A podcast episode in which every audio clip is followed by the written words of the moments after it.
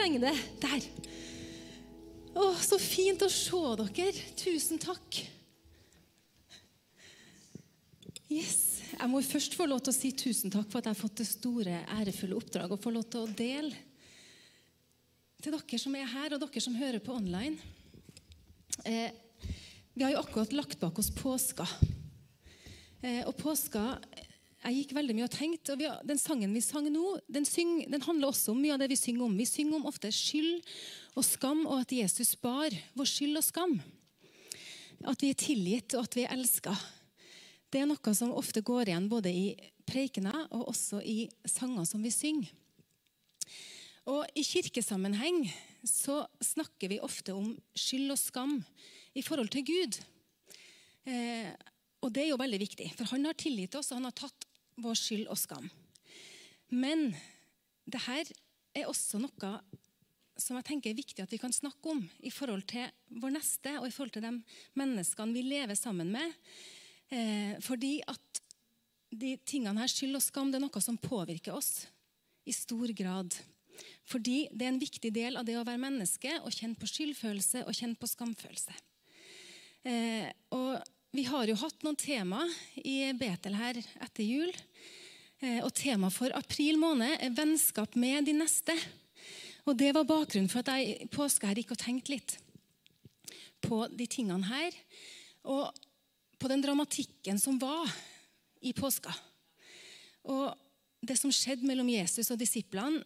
Og det å være Jesu nærmeste venner i denne tida, det måtte ha vært veldig spesielt. Eh, og det har jeg tenkt på særlig på Peter. Og så har jeg tenkt på Judas. Og så har jeg også tenkt på Maria Magdalena, som møtte Jesus første påskedag. Eh, og jeg har tenkt mye på Jesu måte å være venn og medmenneske på. Eh, og her har jeg mye å lære, og jeg tror kanskje vi alle har mye å lære av den Jesus er i møte med sin neste.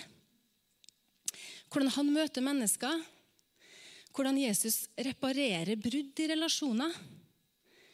Hvordan han er trygg og ærlig i møte med mennesker og sine venner. Og Så litt tilbake til det her skyld og skam. Da. Det er jo litt sånn vanskelige ord, kanskje, men hva er egentlig det? Skyld og skamfølelse som vi synger og snakker så mye om. Det sies at vi alle har noe å skjule. Og det tror jeg kanskje det er noe sant i. Noe med vår personlighet, kanskje. Noe som har skjedd i livene våre. Noe som vi driver med, kanskje. Noe som vi ikke er stolt over. Eh, og jeg har tenkt litt på at samfunnet så lever vi litt sånn som det som skjer på boligmarkedet. Når huset skal ut på salg, så må det se skikkelig ut. Så det ikke mister verdi. Vi vil jo at huset skal få så mye penger som mulig når det skal selges. Dette vet Ingrid alt om, for hun har akkurat solgt sin leilighet. Og Da ønsker vi å minimere feil. Vi flikker litt, maler den veggen. Vi setter kanskje en hylle foran den lista som vi ikke har fått uh, fiksa, selv om vi har bodd der kanskje i 20 år. Eh, nybakte boller på visning skal lukte godt, og litt grønnsåpe i sluket. Sånne her triks. Fordi vi ønsker at dette skal få så mye verdi som mulig. Og På samme måte som vi ønsker å få så mye verdi for leiligheten vår eller huset vårt på boligmarkedet, sånn kan det også være på det sosiale markedet. I våre relasjoner. Verdien stiger når vi imponerer, når vi gjør det som eh, andre liker, når vi er attraktive. Og så opplever vi at verdien vår på det sosiale markedet synker tilsvarende når vi skuffer, eller når vi gjør ting som andre ikke liker. Vi prøver alle å skjule våre svakheter i frykt for å miste verdi.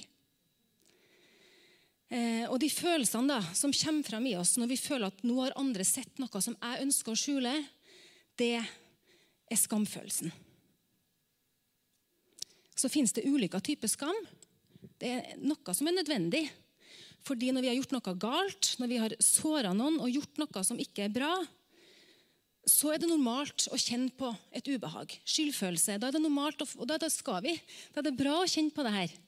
Fordi det er med på å kalibrere vårt moralske kompass. Vi kjenner på ubehag når vi har gjort noe galt, når vi har såra noen eller skada andre. Men dersom denne skyldfølelsen er sunn, og den får oss til å be om unnskyldning, og får drevet oss i riktig retning, så vil ubehaget vi kjenner på, da vil det bli mindre. Da vil skamfølelsen bli borte. Eh, og de her Følelsene er bra og viktige, for de får oss til å innrømme og beklage det gale vi har gjort, og gjøre godt igjen så langt det er mulig.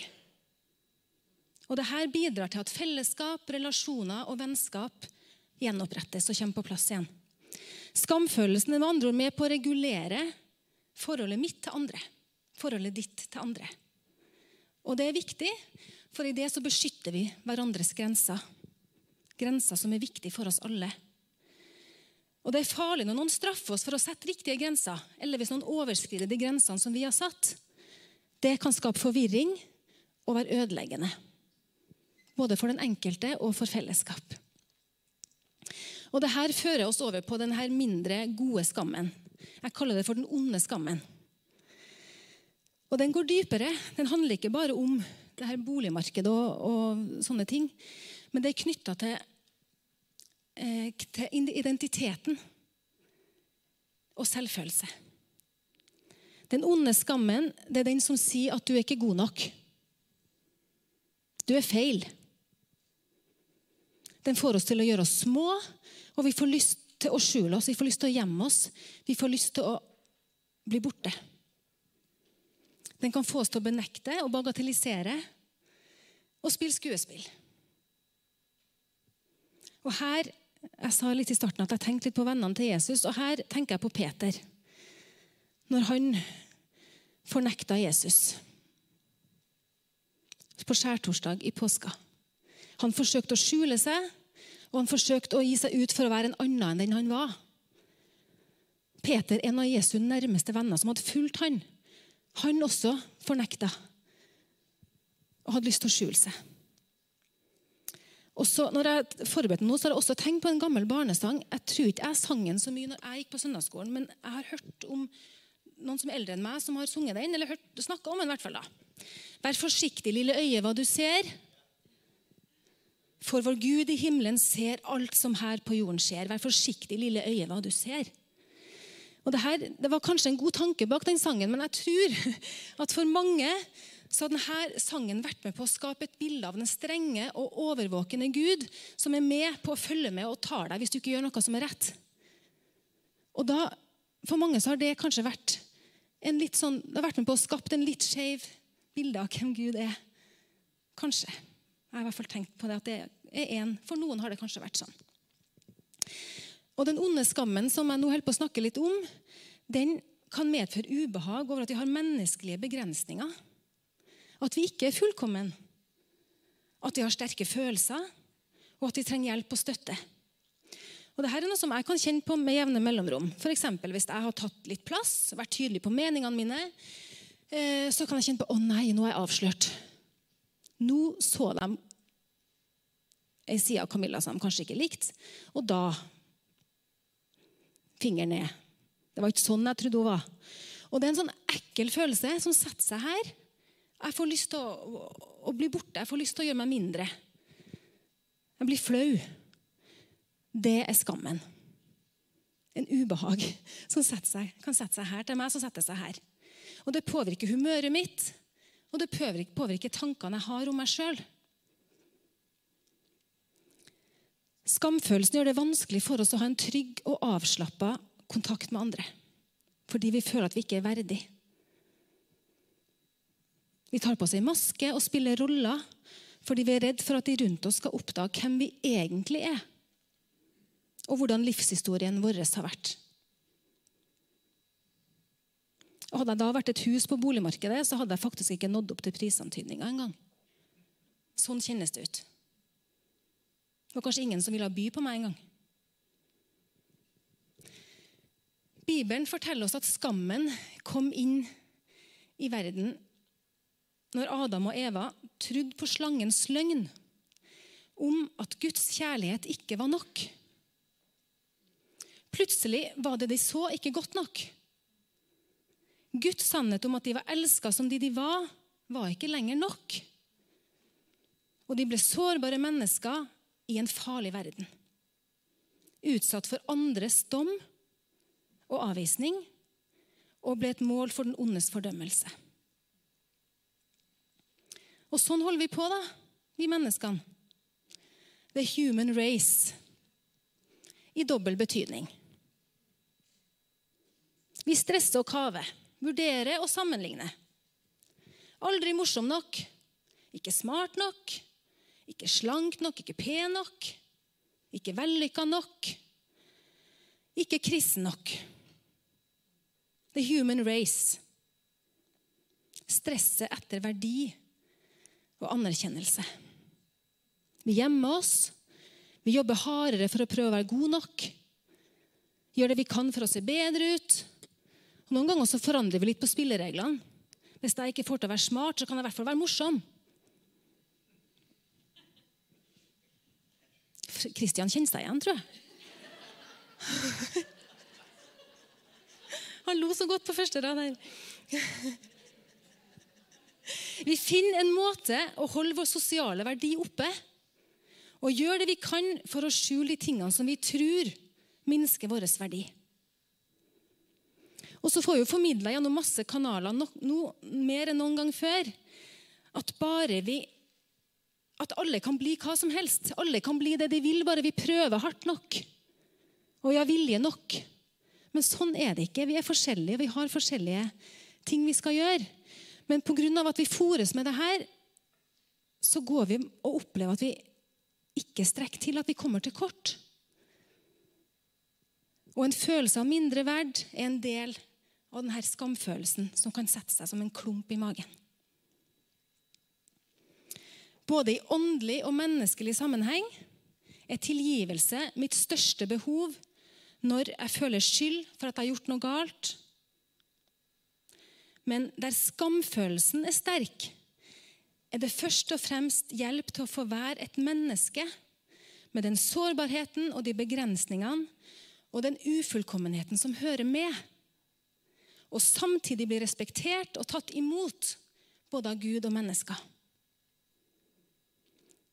Og som vi sang her i den sangen, så Gud han tar imot oss. Det tror jeg mange av oss er blitt mye tryggere på. Og som kirke så tror jeg vi er tryggere på det at Gud elsker oss uansett. Noen ganger er det kanskje litt vanskeligere i relasjonene å føle at vi blir respektert og tatt imot med den, de begrensninger vi har. Serien Skam gikk jo på NRK her for noen år siden. Og den ble veldig populær, for den synliggjorde og satte ord på det som mange unge kjenner seg igjen i. Vi lengter alle etter ubetinga kjærlighet i stabile relasjoner og være elska som dem vi er. Den vondeste skammen det er å oppleve at man ikke er verdig å bli elska. Skam formørker sinnet vårt, og noen ganger så kan det bli så mørkt at det faktisk går i svart. Når det jeg skammer meg over, blir hele sannheten om meg, så det er noen ganger ikke til å leve med. Skammen går over i selvforakt.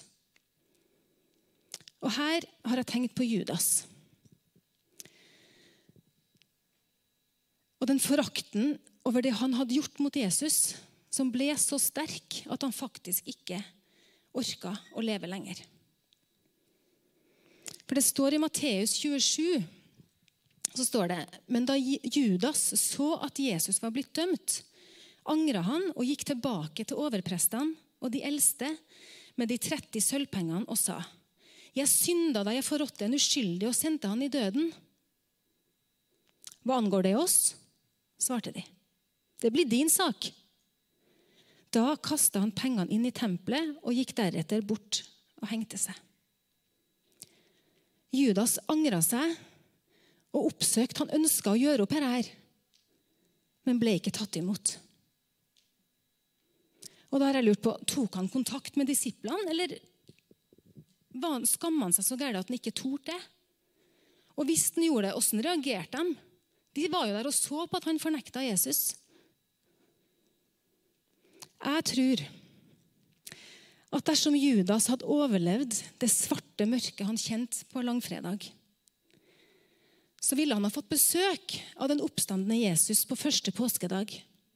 Og da tror jeg at han ville ha sett Jesu kjærlige, tilgivende øya. Og hvordan reagerer jeg? Hvordan reagerer vi som kirke når det kommer noen som har gjort noe som vi kanskje ikke syns er noe greit? Bibelen gir oss mange eksempler på hvordan Jesus møter mennesker. Mennesker som var utstøtt og sett ned på, hadde feiga ut eller svikta. Mennesker som deg og meg. Og Da tenker jeg ofte på denne kvinna ved brønnen. Den samaritanske kvinna. Og Det kan virke på meg som at hun har noe å skjule, for hun kommer jo frem midt på dagen på det varmeste tida, når hun forventer at det ikke er så mange andre som orker seg ut i den steikende varmen. Kanskje er det fordi hun skammer seg over livet sitt og føler at de fleste andre i byen egentlig ikke syns så veldig mye om hun her. Hun er feil. Men hun møter Jesus. Og han behandler henne på en annen måte enn det hun er vant med. Hun blir tatt imot. Selv om han vet alt om henne. Jesus er ærlig og direkte. Kall en spade for en spade. Men møtet med Jesus gjør noe med hennes skam. For etterpå så springer hun rundt i byen. Ikke noe behov for å gjemme seg eller pynte på historien sin. Hun var tatt imot. Det er for meg nåde som gir frihet. Og så Sakkeus, da. Tolleren som lurte seg penger. Men som Jesus ville ha besøk og faktisk spise med. Og Det var noe av det mest intime du kunne gjøre med et menneske. Dele måltid var det samme som å dele liv. Det likte ikke fariseerne, for han var ikke innafor må vite. Han var ikke god nok, og han gjorde noe som ikke var bra. Men Jesus så Sakkeus og ville besøke han og være sammen med han. Og Det så vi også at det forandrer Sakkeus sitt liv. Tilbake til Peter, som jeg har tenkt så mye på. Jeg har lurt mye på Åssen var for Peter etter fornektelsen? Etter at han hadde liksom nekta på at han kjente Jesus. Hvor gikk han hen? han, hadde han fortalt den resten av gjengen, disippelgjengen hva han hadde gjort? Eller holdt han det skjult? Sannsynligvis var han sammen med resten av disiplene på første påskedag når Jesus plutselig står der og viser at han er stått opp igjen fra de døde. Eh, men i hvert fall så vet vi at Jesus og Peter møtes ved Tiberiassjøen det står beskrevet litt om denne møtet i Johannes 21. Da kan vi lese om dialogen som Jesus og Peter har på stranda. Og Den kunne ha forløpt litt annerledes enn det som vi leser her, hvis Jesus hadde gjort dette møtet på samme måte som vi mennesker ofte gjør når vi møter noen som har skuffa oss. Som vi tenker har svikta oss litt.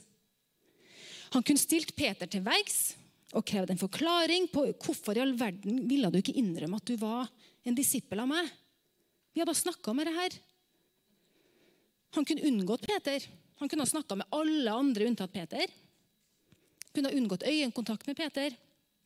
Kunne ha sendt en litt sånn sure blikk over bålet. Jeg kan gjøre det noen gang når jeg er sur på noen. Um,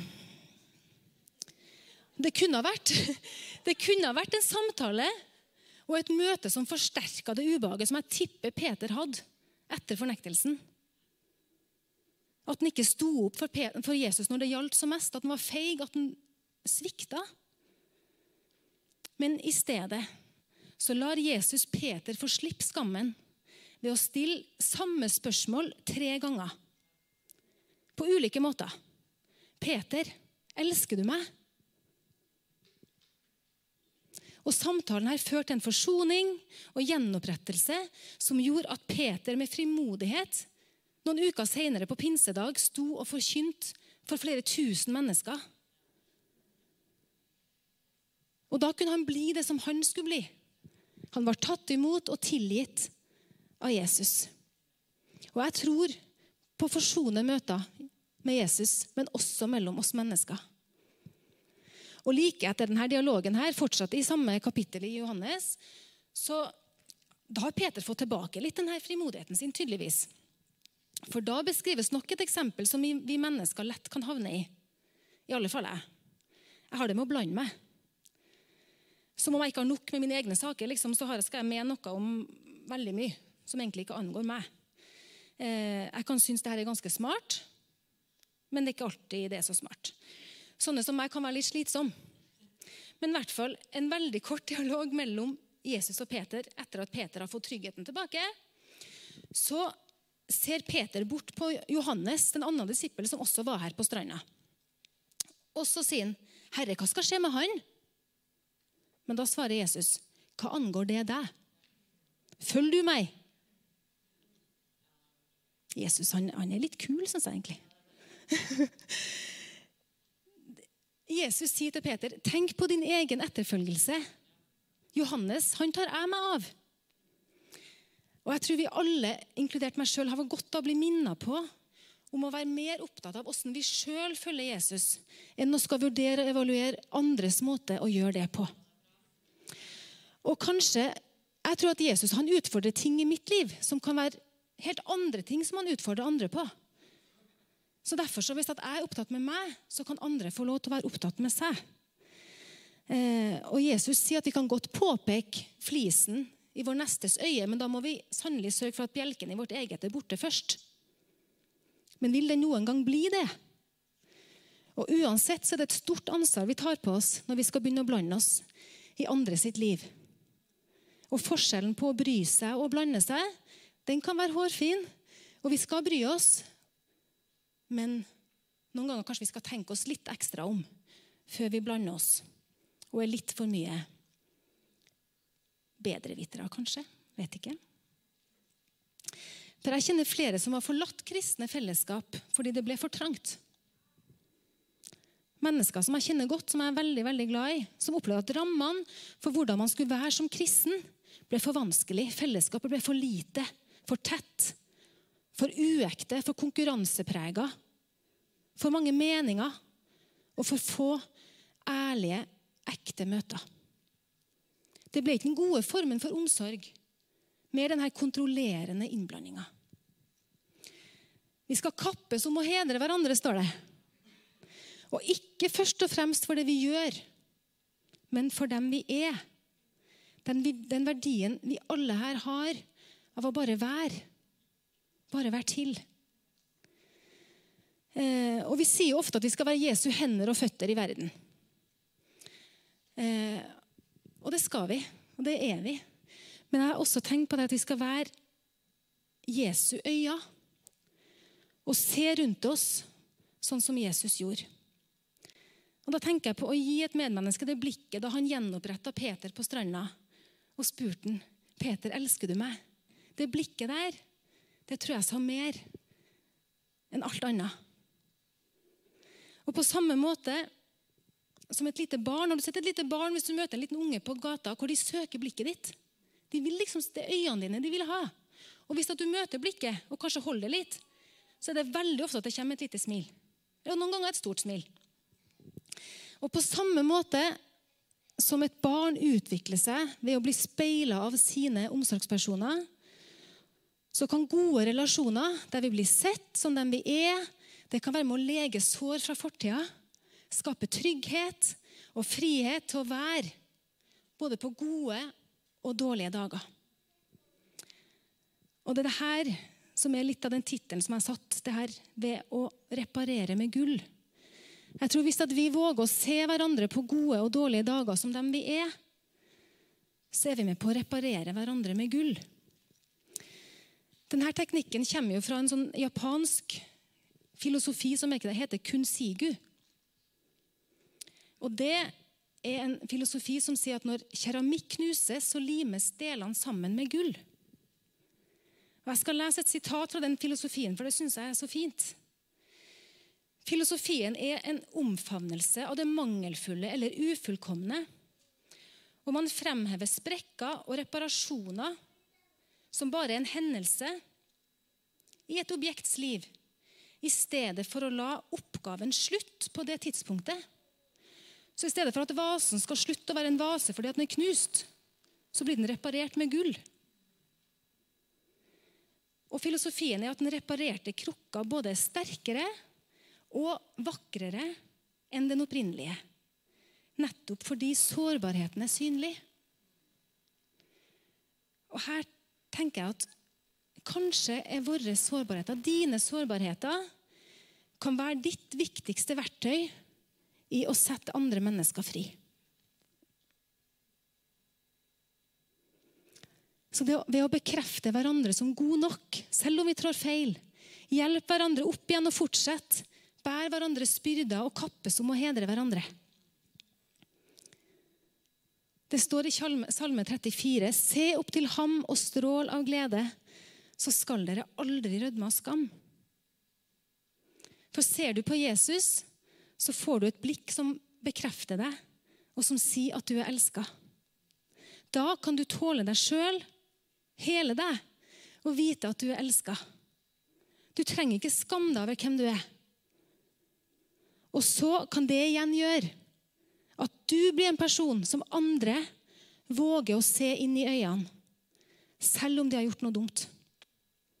Du kan være et medmenneske som gjør at de neste er ærlig og våger å vise sin menneskelighet. Da er vi med på å reparere hverandre med gull. Ikke for å dekke over, men for å gjøre hverandre sterkere. På tross av våre skavanker og litt feil her og der. Øystein Gjerme snakka litt om det forrige søndag, om å mettes av Jesus.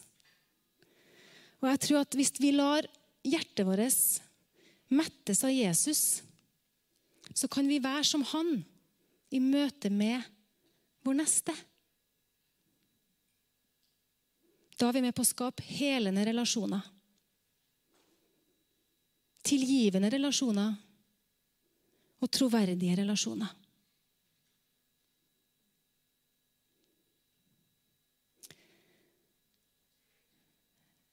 Jeg har faktisk tenkt å avslutte med en sang. Og da skal jeg få hjelp av min kjære mann. Eh, Dette er en sang som handler litt om det her jeg har snakka litt om og delt med dere nå. Så når vi synger denne sangen, så er det lett å tenke at dette er på en måte Gud som, som sier. Men også tenk at de neste sier det her. Og du kan si det her til noen. Vi skal synge en sang som heter 'Du sier'.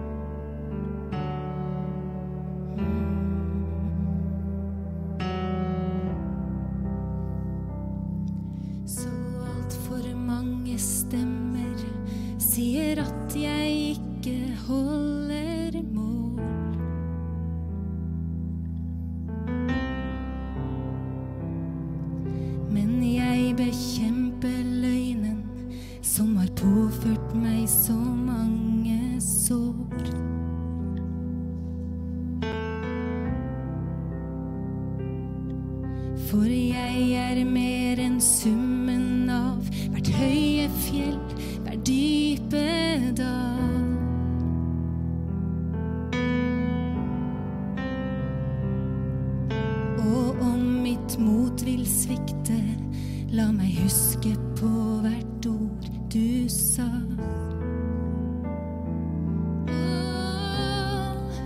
Du sier jeg er din selv på min verste dag. Du sier jeg er sterk når jeg tror jeg er svak. Du sier jeg er nok når jeg ikke strekker til. Når jeg ikke selv kan gå, så bærer du mitt liv.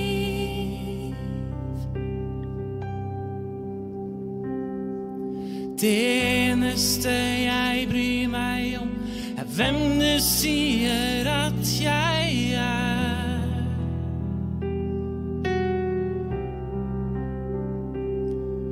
For jeg har funnet sann identitet i hvem jeg er i deg. Oh, Du sier jeg er din, selv på min verste dag. Du sier jeg er sterk, når jeg tror jeg er svak. Du sier jeg er nok, når jeg ikke strekker til. Så bærer du mitt liv. Og jeg tror, ja, jeg tror dine